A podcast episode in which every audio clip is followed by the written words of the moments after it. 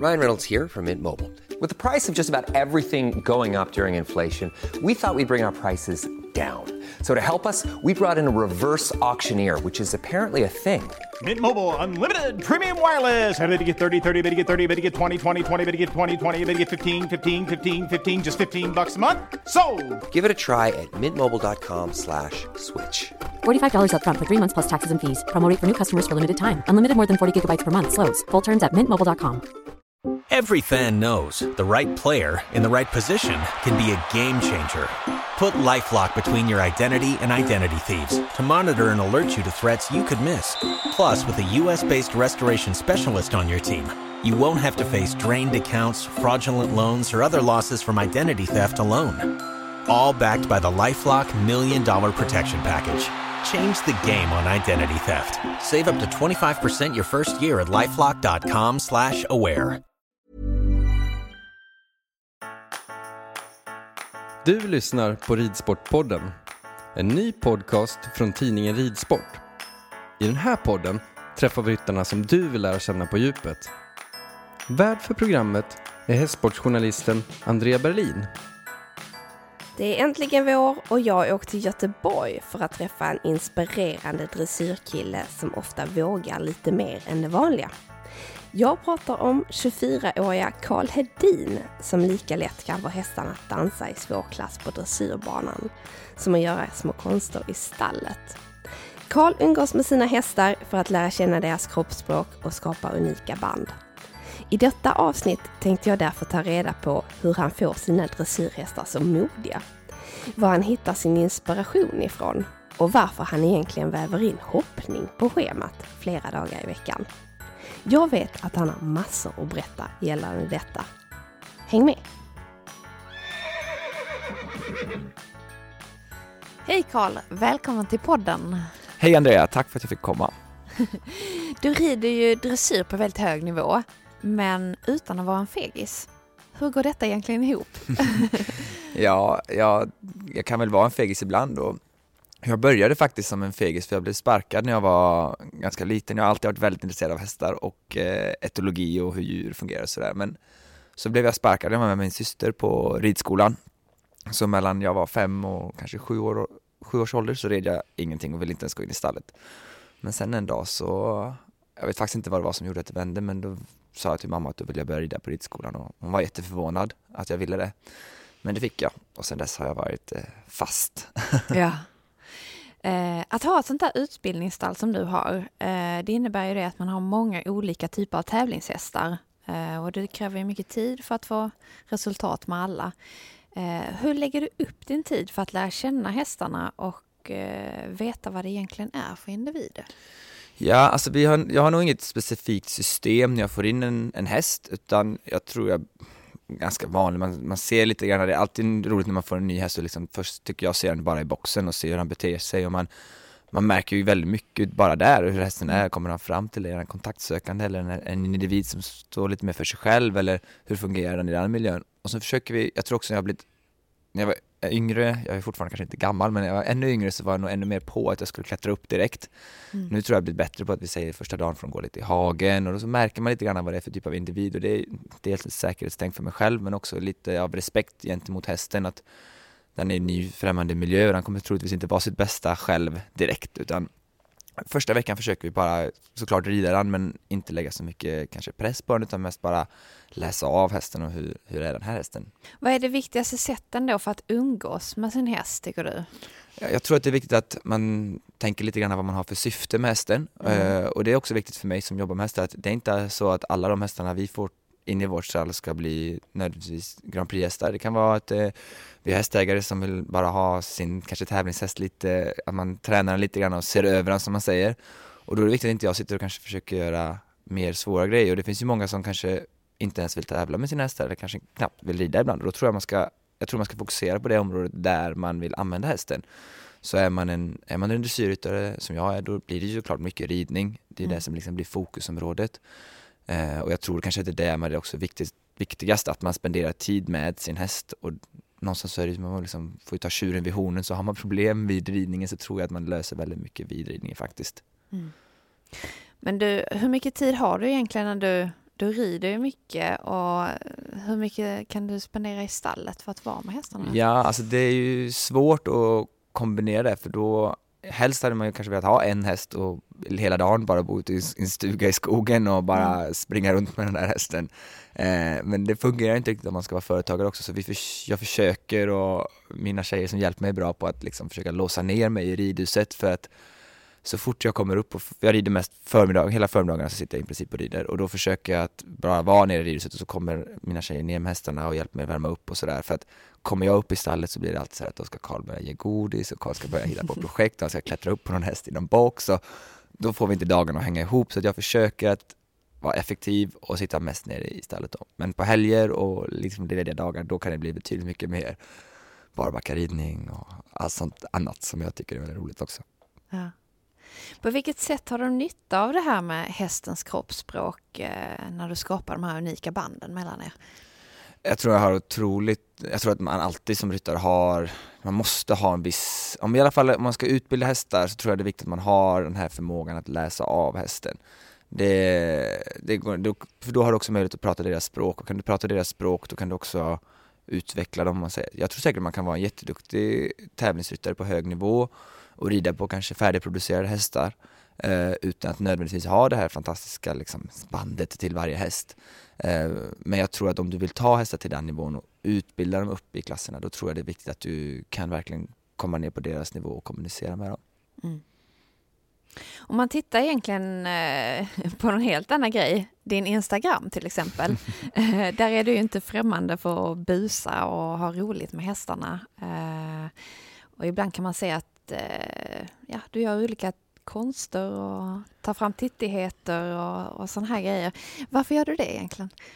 Alltså jag har ju alltid varit en uh, lite spillevink och det har jag väl fortfarande kvar lite av den ådran. Vill alltid utmana lite grann. Uh, eh, tycker alltid det är kul att uh, göra saker som är, jag tycker om att mixa det här väldigt, väldigt strikta dressyr till exempel då med någonting som är liksom en motpol till det som kan vara att man har en presenning som hänger över hela bakdelen av hästen till exempel eller vad det nu kan vara. Och sen är det mycket man ser, man blir inspirerad av olika saker. Jag kanske ser en, en film eller ett klipp på någon häst eller på, det kan vara andra djur också, det kan vara ett hundtrick. Så jag tänker, undrar om inte man kan göra det lite lätt med en häst. Men ska jag vara helt ärlig så är det inte så att jag lägger folk, jag får ofta frågan som säger så här, gör något annat än hålla på med din Instagram?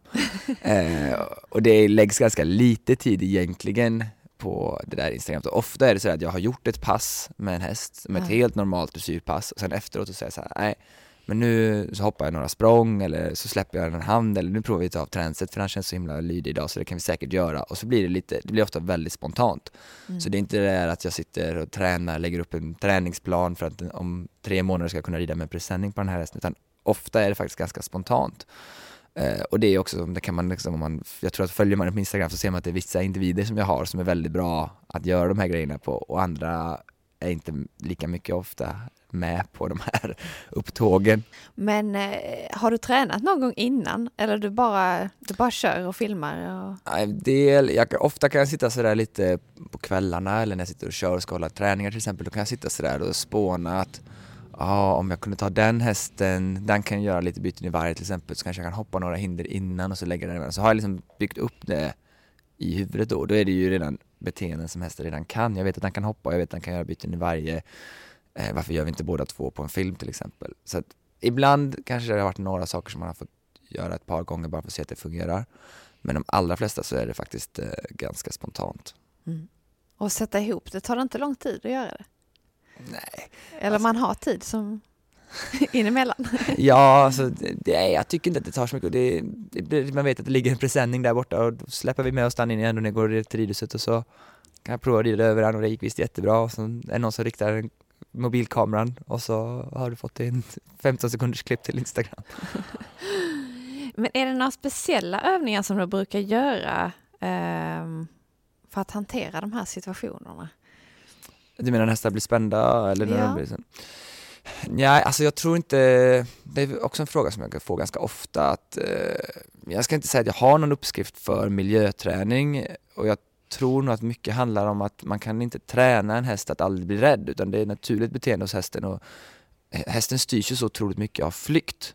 Mm. Eh, och det tror jag aldrig man kan nog träna bort och det måste man nog liksom acceptera att hästen är ett flyktdjur. De eh, springer ifrån tigrar och faror ute på steppen. Det är det de är och de har funnits till så många, så många miljoner år när vi inte har påverkat dem.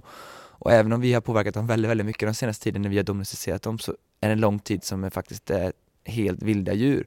Och det kan man aldrig, den insikten tror jag inte man kan träna bort. Och jag tror att gör man sig liksom vän med det, att okej, okay, flykt är något som hästen har och det kan ju också vara något som är positivt. Mm. Det är ju väldigt mycket så vi tränar hästar idag, att de ska gå undan förtryck och det har ju med deras flyktsätt och deras flyktinstinkt att göra. Det, så kan du inte träna en hund till exempel eller ett, ett rovdjur. Så att, som svar på din fråga så kan man nog, vi har inga övningar för att träna bort det men vi är samtidigt inte rädda för att, un, vi undviker inte den situationen att hästarna blir spända utan är det så att de som ett exempel, förra veckan bytte de eh, fönsterrutor i vårt ridhus.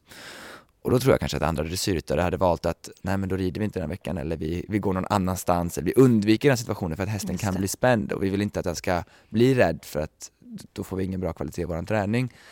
Men då var det bara så att då försökte vi liksom, nej då får alla hästar gå där inne fast att det var det. Och det är klart att det var mm. inte så att det var optimala pass varenda häst. Vissa hästar reagerade ganska mycket när de höll på att byta fönsterrutor fyra meter upp i taket med en lyft, lyftkran. Men samtidigt då vet jag lite grann vilka hästar när jag tar ut dem till tävling sen att ja men den här hästen var väldigt ängslig. Mm. Då kanske jag måste vara lite mer beredd på det.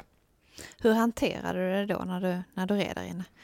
Alltså mycket handlar ju om att eh, inte sätta hästen i så mycket, det är liksom en balansgång mellan hur mycket press, och när jag menar press är liksom hur mycket du försöker få hästen att gå emot eller gå närma sig det som man tycker är obehagligt. Mm. Så det är en balansgång mellan att släppa på pressen och låta den gå. Kanske, vad många av unghästarna märkte vi att om vi bara longerade dem i andra änden mot vad de bytte fönsterrutorna så slappnade de av och sen så kunde man allt eftersom ridpasset liksom fortlöpte kunde man ta sig närmare och närmare och närmare.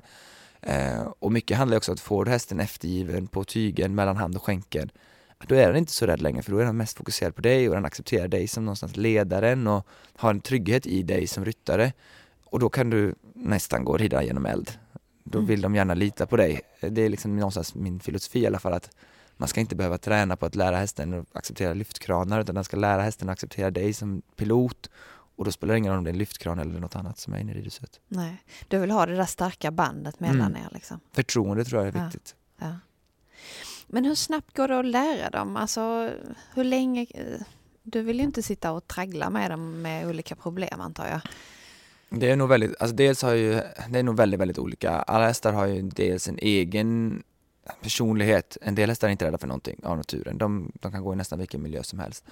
Andra hästar är väldigt, väldigt ängsliga och de kan ju vara ängsliga för saker som kommer uppifrån. De kan vara ängsliga för saker som ligger på marken. De kan vara ängsliga för andra hästar. Det finns ju eh, lika många hästar som det finns lika många typer av flyktbeteende finns det. Ja. Ehm, och det är jätte, en del hästar kan ju också vara väldigt, väldigt spännande när de kommer men är väldigt träning, att de är väldigt träningsbara. Mm. Så de har lätt att absorbera träningen och på så sätt blir de väldigt snabbt väldigt orädda för att de är lätta att träna. De har en hög ridbarhet som man säger.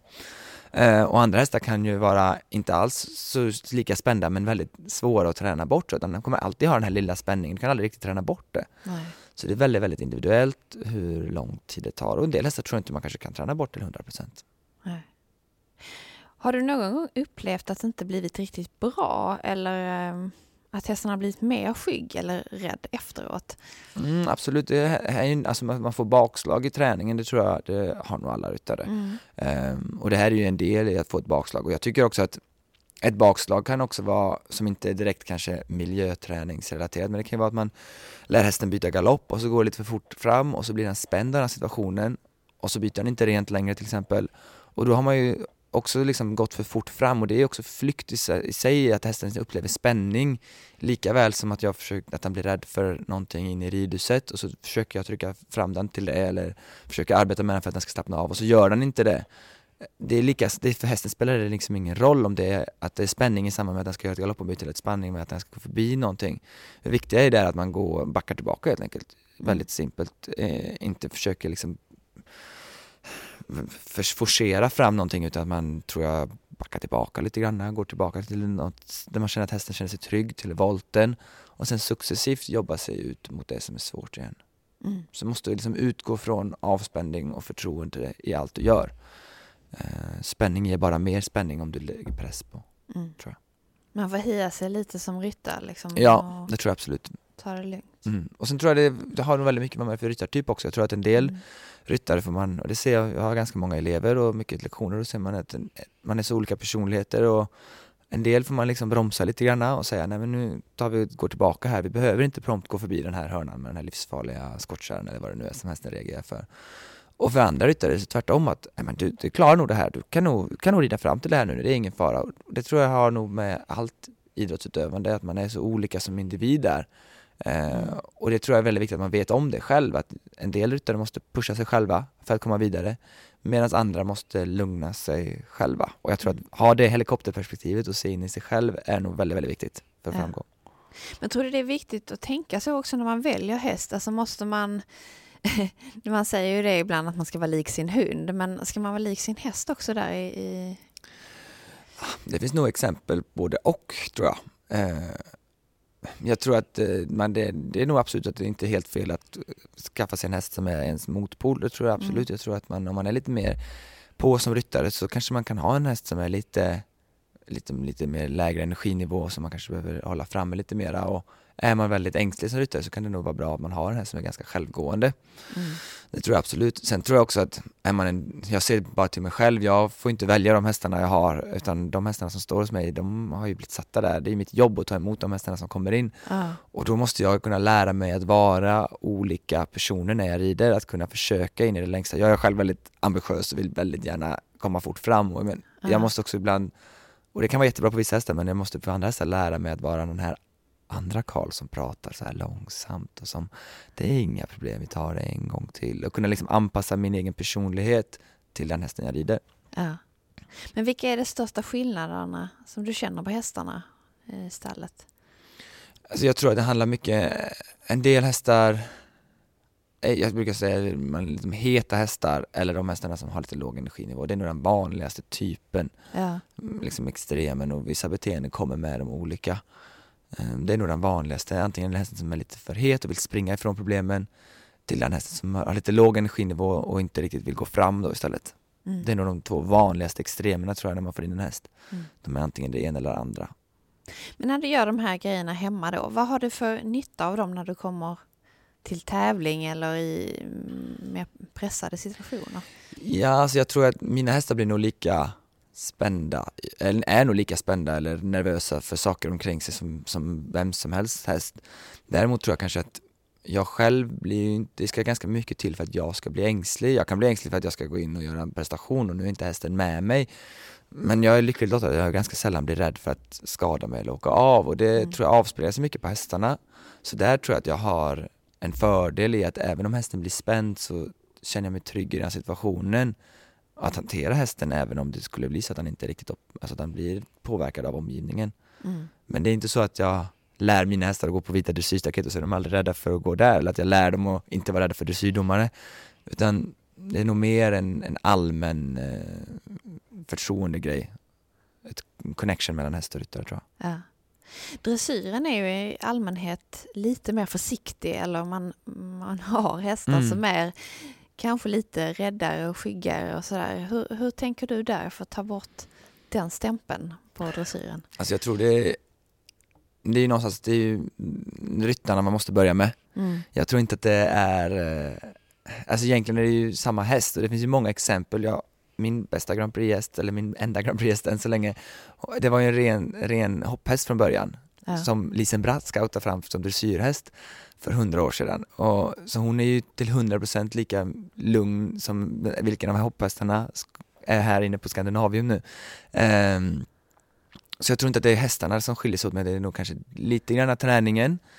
Eh, Dressyrhästar behöver ganska mycket adrenalin för att prestera liksom under en lång, längre tid medan hopphästen kanske har en kortare spann av när de behöver väldigt mycket adrenalin när de skapar sin bana. Men därutöver kan ju häst, hopphästen ofta ha ganska, låg, ganska lågintensivt arbete. Och jag tror att dressyrhästarna går under längre tid med kanske mer adrenalinpåslag. Och jag tror kanske att adrenalin, det här adrenalinpåslaget ligger ganska nära flykten. Men det jag tror egentligen att det viktigaste man ska prata om det är ju om hur ryttarna är, som, om man hanterar sina hästar och man märker ju nästan, nästan när du säger, bara när du börjar prata om dressyren så säger du dressyren är lite försiktig. så Ja, börjar man precis. prata lite så. Ja. Och sitter man i sadeln och blir lite så här att nu kommer det här in och nu vet jag att nu är han så himla rädd för idag är det blommor på bokstäverna och då är jag, då kan man liksom, jag blir nervös bara av att se på en sån ryttare. Ja. Eh, och tro tusan då att hästen känner det direkt. Så där tror jag man har en jättemöjlighet som ryttare att jobba med den nervositeten som man själv känner. För att man har varit med om situationer som man inte känner att man kan hantera och därför känner sig nervös och ängslig för att hästen ska reagera då. Ja. Men hur kan man träna om man inte riktigt känner att man klarar det själv? För det är, många Alltså- är ju nervösa själv också som ryttare. Ja, det, och det är jätte, jättesvårt. Ehm, Det är jätte, och det är väldigt svårt. Jag har ju också ibland elever som, har, som har, känner liksom rädsla inför att rida och en del Mm. söker sig till mig för att de är rädda för att rida för de liksom ser kanske på Instagram eller någonting att åh, jag vill kunna känna liksom den tryggheten. Ja. Och det är jättesvårt för mig för att att kunna sätta sig in i den situationen är ganska svårt. Jag har också varit rädd för hästar och jag vet väldigt väl hur det är men samtidigt är det ju inte så mycket i min vardag så det är svårt för mig att alltid, tycker jag, kanske ge de perfekta verktygen för hur man ska slappna av. Ja.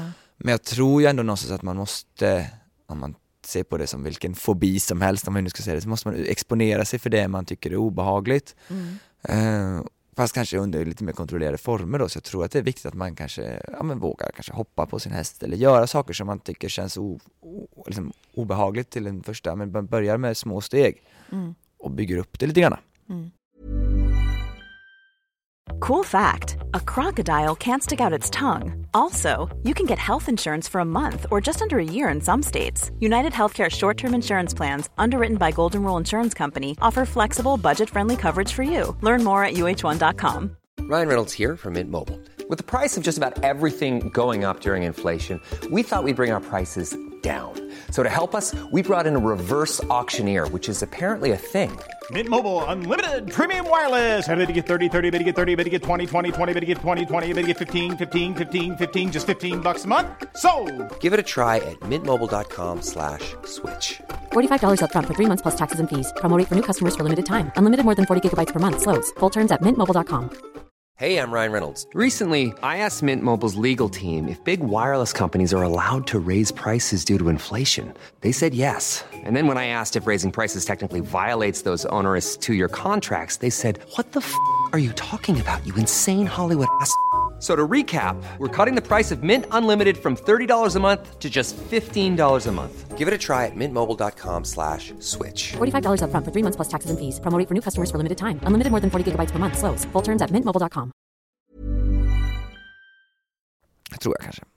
Eh, när du har liksom tränat något speciellt på dina hästar då, funkar det att någon annan sätter sig upp på hästen eller i, hanterar den i stallet på det sättet som du gör och får samma resultat? Alltså det beror lite på vad jag har tränat dem till om man säger. Ja. Alltså jag tror att rörelser kan du absolut nästan, det är min, i alla fall min dröm att jag ska kunna lära hästen att byta varje och göra piaffpassage och piruetter och sen att jag bara kan lämna över tyglarna till någon annan och att de ska kunna göra det också. Mm. För det är någonstans ett kvitto på att min häst är välriden. Så, och det tror jag att man kan ganska, komma ganska långt och verkligen träna upp en häst till att göra vissa rörelser för att sen lämna över till någon annan som kan göra det. Däremot kanske det här med till exempel det här med flykt och med spänning och, och Mm. liksom Det är såklart mycket förtroende och sånt. Ja, det sitter nog, Mm. det är nog väldigt svårt att lära, det är ju ingen knapp jag trycker på för att göra det, eller, det sitter ju väldigt mycket i det förtroendet och det bandet jag har med hästen. Mm. Så det är nog svårare kanske att, eh, och jag tror kanske att det fungerar i en period, att om hästen kommer från en ryttare som har haft väldigt bra självförtroende och hästen känner sig väldigt mycket förtroende och tillit till den ryttaren så tror jag att den kan gå ganska länge på det självförtroendet som den ryttaren har byggt upp hos hästen. Mm. Men sen så kanske man ser över en längre period att hästen successivt tappar det och kanske går mer åt sitt, man säger naturliga jag eller Ja, att bli mer ängslig eller tappar energi eller vad det nu än är. Och det kan man ju ofta se på tycker jag på topphästar som byter ryttare till kanske mindre rutinerade ryttare. Att de, ett tag går det väldigt bra så mär- märker man liksom att de, de tappar lite grann och det är så olika hur hästen är som individ. En del hästar blir, om de är väldigt heta kanske de kokar över mer och mer och andra hästar kanske istället tappar energi eller blir mer tittiga eller vad det nu är som den hästen liksom naturligt styrs av. Mm. Och sen handlar det väl också om att, läsa kroppsspråket och liksom Mm. lära sig just den hästen. Ja absolut, absolut. Ja. Men vilka belöningsmetoder använder du då när du, när du jobbar med hästarna för att de ska förstå att det här är rätt och det här, är, det här blir jag lugnet av? Och, Ja, alltså det skulle jag vilja utveckla ännu mer. Jag skulle vilja, ha, jag skulle vilja forska på det här egentligen. Jag brukar tänka, jag skulle verkligen vilja för jag har ju jobbat mycket med hund också, tycker det är väldigt intressant med all typ av eh, alltså beteendelära hos djur, hur man kan lära dem att forma olika beteenden. Och jag kan ju vara jättenördig och kolla på allt ifrån hur man tränar delfiner till hur man tränar elefanter till hundar och liksom se olika skillnader och likheter i hur man, hur man tränar djur. Ja. Eh, och just det här med belöning är ju ibland lite suddigt för hästar och man ser, man pratar mycket militäriskt språk fortfarande inom ridsporten och det kan ofta vara lite ibland luddigt med vad som är våran belöning men Mm. mycket eftergiften är väl det kanske det mest centrala och något som vi ofta använder på hästen, man lättar på handen, man släpper press, man lättar hästen, släpper, släpper hästen ifrån sig, låter den liksom bara vara. Mm. Men sen tycker jag man märker mer och mer att det med röst är väldigt bra, Alltså, de kan belöna dem och det behöver inte vara att man säger samma sak men just bara, bara att du säger bra, så liksom hela din kropp bra, faller ihop och du slappnar av och det känner ju hästen direkt. Eh, och man kan även, när vi trampar våra hästar och lär dem lite det i början så är det ofta vi har med oss godis också och ge. Och sen är det ju så att hästen har inte alls det intresset av att söka föda som till exempel en, en hund har. Eh, för hästar som, som viltdjur, de går ju bara runt och ser de lite gräs så äter de det. Det är inte på samma sätt som en hund som ser ut en kanin någonstans och lägger upp en hel strategi för hur den ska jaga den här kaninen och ta den. Så de har ett helt annat driv efter föda mot kanske en häst då som är liksom lever i gräsätare så de äter ju mycket det som finns runt omkring dem. Ja. Vilket gör att de kanske, och där märker man också jättestor skillnad tycker jag på individer. En del hästar är ju väldigt mycket mera liksom matorienterade och då funkar det jättebra. Mm. Och ger dem lite godis och de trampar så lär de sig det jättefort. Mm. Medan andra hästar inte alls så brydda av, av att få den formen av belöning men kanske då har större behov av att trygghet och att man slappnar av, slappnar av och att de känner sig liksom vara en del i flocken är viktigt för en häst att inte bli lämnad utanför utan man tar den in till sig och säger att "Nej, men det här är bra och du, som du är nu är du bra om man säger. Ja. Det du gör nu is good. Så det går inte att muta dem med andra ord.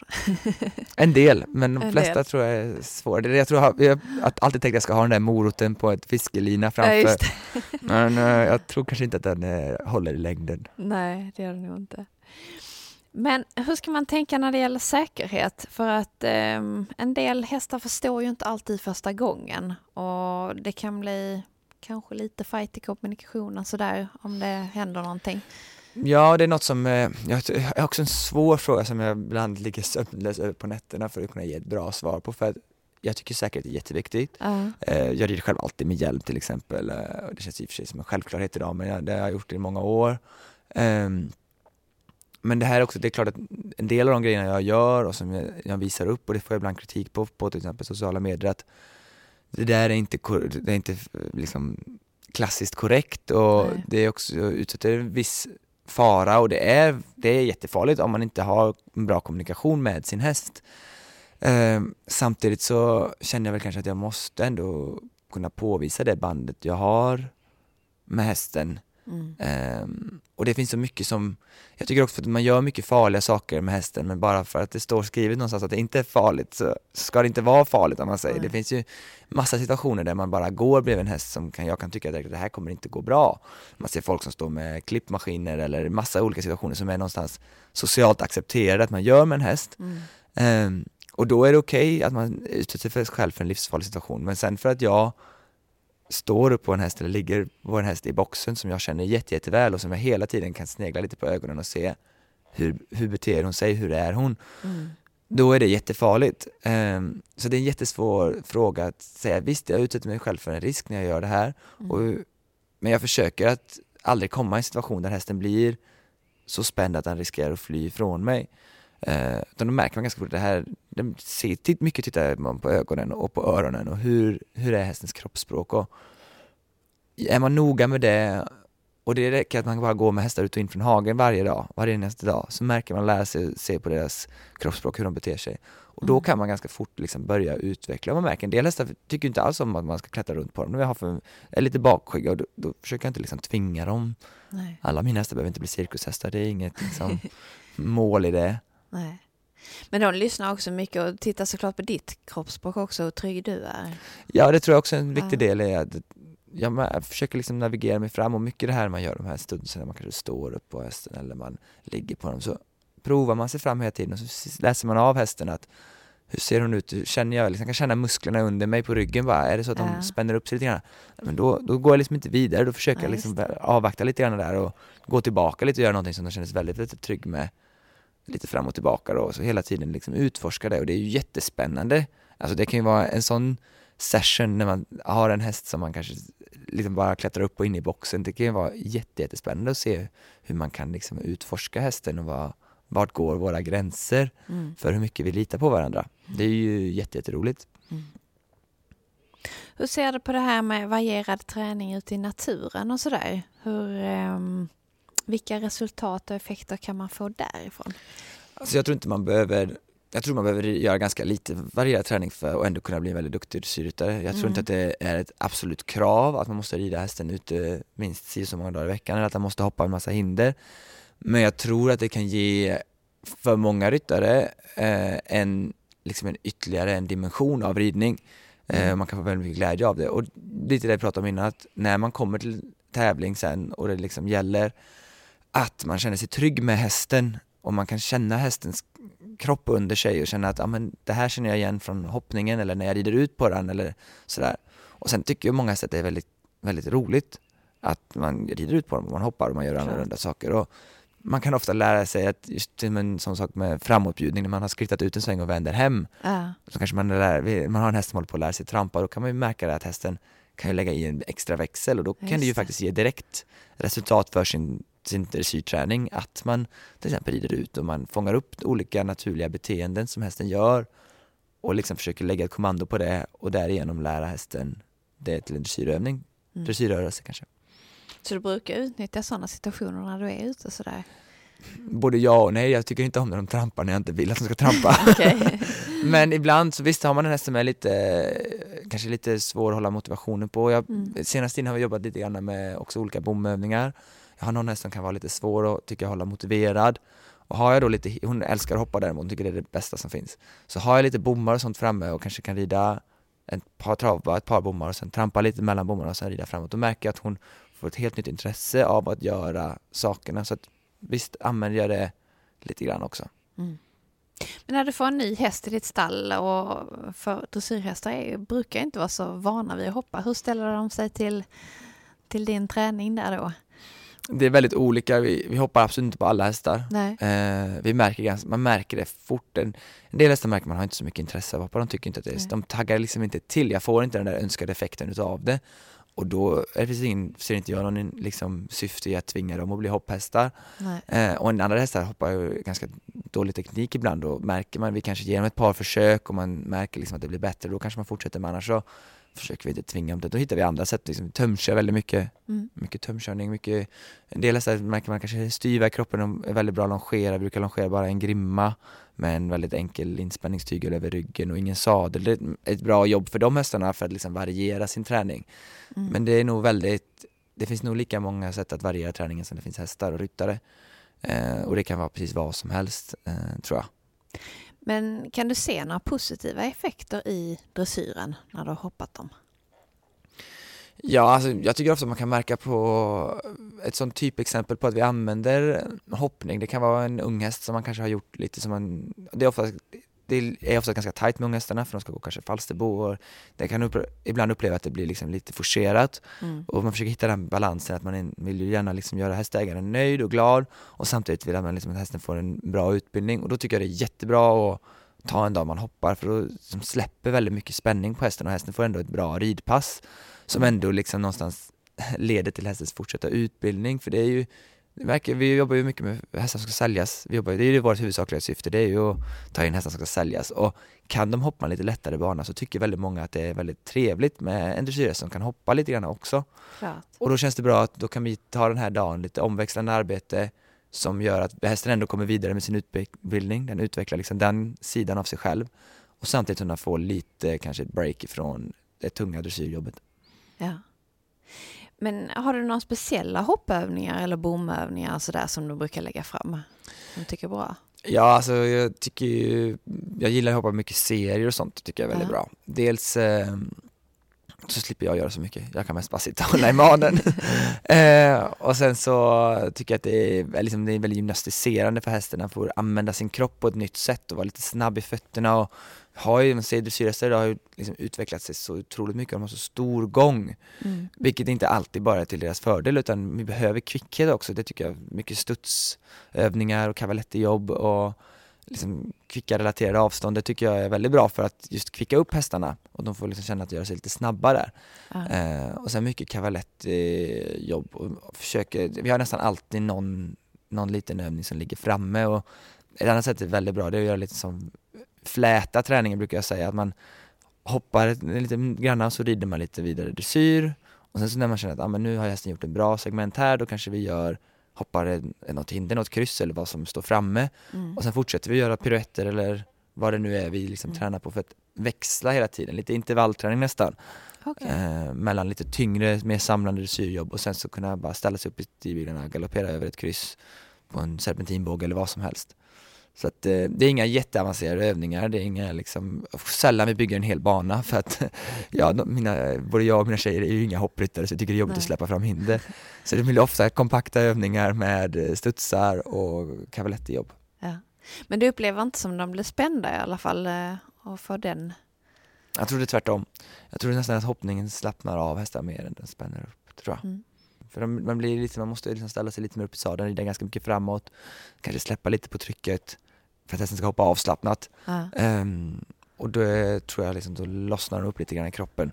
Så jag tror snarare tvärtom än att de spänner upp sig. Men man måste tycka det är kul själv också väl, som Ja. dressyrryttare? Det, det är nog viktigt tror jag, Ja. för att det ska kännas naturligt. Men vilka är dina bästa träningstips nu då inför vår och sommar när det börjar bli utesäsong och, och sådär? Hur tänker man kreativt? Alltså, ja, det är väldigt svårt. Och mycket av det, jag har märkt så här när jag själv tänker så här, nu ska jag göra någonting kul. Ja. Då blir det väldigt sällan kul. Jaha. Men det måste komma lite grann till, till mig själv. Jag måste se saker runt omkring sig, tror jag mycket. Se på olika, man kan, idag vi har en fantastisk möjlighet med sociala medier, blir matad av information hela tiden och är man liksom en hästperson så får man väldigt mycket hästmaterial matat där och man kan se Ja. många roliga grejer. Jag får ofta när man ser de här klippen på, det kan vara, jag såg för ett tag sedan en man som rider två spanska hästar och den ena hästen har han i, i hand och så gör han byten i varje på bägge hästarna samtidigt fast han sitter bara på den ena och den andra hästen gör han bara för hand. Och där kan jag sitta och titta på det här klippet 15 gånger och tänka hur Först blir jag fascinerad av att det går Ja. och sen tänker jag, hur gjorde han det där? Ja, Hur har han lärt det där? Och där tror jag man kan hitta, man kan stjäla väldigt mycket, stjäla mycket idéer från andra genom att titta lite grann, försöka lura ut hur liksom, hur kan man liksom hitta det där lite grann Ja. för att, Men det behöver inte vara helt uppenbart hur man ska göra väl? Det, Nej, det är väl det- det, som är det svåra. ja och det är ofta det som om man, om jag tänker själv när jag lägger ut klipp så vill man gärna att det ska vara lite, folk ska undra lite grann, hur gick Ja, det här det. till egentligen? Eh, för att skapa liksom spänning, men jag tror att tar man sig bara tid och tittar noga så kan man ofta se att man kan liksom försöka hitta lite grann, skrapa lite på ytan och se lite grann hur det fungerar. Och man kanske ser andra klipp som kanske är liknande. Och så kan man där hitta olika sätt så man kan ja, prova vingarna lite grann med hästen tror jag. Ja. Och annars så tror jag bara det handlar mycket om att träna och vara bra på, precis som man säger den tråkiga vanliga träning, så man har ett upplägg med träning, vart vill vi vara, målsättning, det är ju precis, det är något som jag jobbar med hela tiden och tävlingsplaneringar och hela tiden återkopplat till hur hästarna känns i det vanliga jobbet. Och den all, alltså 90% av tiden så lägger jag ju på van, alltså väldigt vanlig, näst, man, visst man får gärna säga tråkig, men vanlig träning. Mm. Eh, för det är det som är det absolut viktigaste om du vill nå tävlingsresultat tror jag. Ja. Eh, Men flyttade du dig utanför dressyrbanan en del eller hur? Ja, vi du? ut ganska mycket och mycket så att vi skrittar fram ute lite i, i skogen och, och sådär men, men nu i tävlingssäsong så är det mycket dressyr Ja. på banan liksom och mycket eh, göra de tävlingsrörelserna som är Ehm, och sen på helger och när vi har lite liksom, varierade dagar då blir det mera kanske att vi gör annat med hästarna också. Då. Var hittade du din inspiration ifrån? Jag tror mycket, mycket om världen runt omkring mig. Ehm, jag tror man liksom hittar, det kan ju vara om man skulle prata mer om ett rent Instagram-klipp, är ju mycket man hittar från andra människor som inte håller på med djur alls. Man ser hur de kanske har klippt sina klipp eller hur de gör och sådär. Där kan man hitta inspiration till den delen. Men för ridningen och för min hästträning då är det mycket dels bara vara på bra tävlingar, se duktiga ryttare såklart, Ja. en jätteinspiration. Eh, och att jag försöker åka träna för intressanta personer. Jag är ju lyckligt lottad som har Ajax-stipendiet eh, här i ryggen. Ja, så jag kan det. åka till fantastiska tränare Ja. och plocka russin ur deras kakor om man säger. Eh, men också mycket annan, det finns så mycket ute på internet idag att hämta med, om du vill lära din hund att eh, stå på händer så bara du googlar How to teach my dog to do a handstand. Det så kan låter du, enkelt. Ja, och så kan du liksom få sju steg till hur du lär din hund att stå på händer. Eh, och du kan hitta jättemycket inspiration till olika saker som du sen kan ta med in till din häst till exempel. Ja. Hur ser du själv på framtiden nu då? Vad har du för mål? Ja, nu går ju mycket åt att bygga upp mitt eh, företag och skapa ett kapital där och så man kan köpa in lite hästar ibland. Jag har i dagsläget en häst som jag äger själv i träning, sen har jag en gammal häst som ska betäckas. Eh, resten, vi har 11 hästar inne i träning nu och resten hästar är ju bara hästägare ägda då. Mm. Eh, så mycket handlar om att bygga upp en, en sträng med bra hästar. Jag har ju bara varit hemma i Sverige här i mindre än ett år nu. Så det handlar fortfarande mycket om att liksom bygga upp en, en, en bra grupp med intressanta hästar som jag tror på. Eh, och sen så är det ju mycket nu med Unghästcampionatet inför Falsterbo, man tränar mycket inför det. Har en ung Grand Prix-häst som är nio nu som jag hoppas kunna gå ut till Lövsta Future Challenge. Och så har jag några bra, två bra lilla rundan-hästar och så det handlar mycket om, om det då. Tror du du rider dressyr alltid eller kommer du våga ta det till hoppbanorna någon gång? Ja, jag tror, jag, jag tror faktiskt att jag kommer, jag vet inte, jag kan inte riktigt bestämma mig. Men jag brukar, jag blir otroligt inspirerad av att kolla på hoppning och Ja. älskar att se liksom bra ridning och jag tittade igår på andra kvalet av världscupfinalen i hoppning och se Marcus Ening när han rider runt med små hjälper och en häst som hoppar fantastiskt över rygg. Liksom. Det är ju för mig lika fint eller lika bra som att se en fantastisk dressyrhäst göra ett program. Ja. Eh, så jag, jag tror kanske att det finns en, jag, om jag blir mätt någon gång, jag har ju lätt, jag kan, jag tror att jag kommer kunna, risken finns att jag blir mätt på dressyr en dag. Och jag känner att jag skulle vilja Ja. prova någonting annat, utmana mig själv. Så då tror jag kanske, det kanske finns en, jag brukar säga när jag tittar på det att ah, någon dag rider nog där inne och hoppar. ja, det vore kul. Men vi får se, först ska jag bli lite bättre på dressyr tror jag. Ja. Det har varit jättetrevligt och jätteroligt att ha dig här Karl. Tack så mycket för att Eh, jag fick komma. Och eh, jag hoppas att lyssnarna har fått jättemycket inspiration av Härligt. eh, alla dina tricks. Så eh, vi önskar dig lycka till och eh, så får vi följa dig i sociala medier på titta på dina bus där. Tack så jättemycket. Tack, Tack. själv. Vi vill jättegärna veta vem du vill att vi ska träffa nästa gång och vad vi ska prata om. Maila till oss på podden snabel-a tidningenridsport.se Programmet producerades av Lavaletto. Tidningen Ridsport. Allt du behöver veta om sport, avel och nyheter. Prenumerera du också.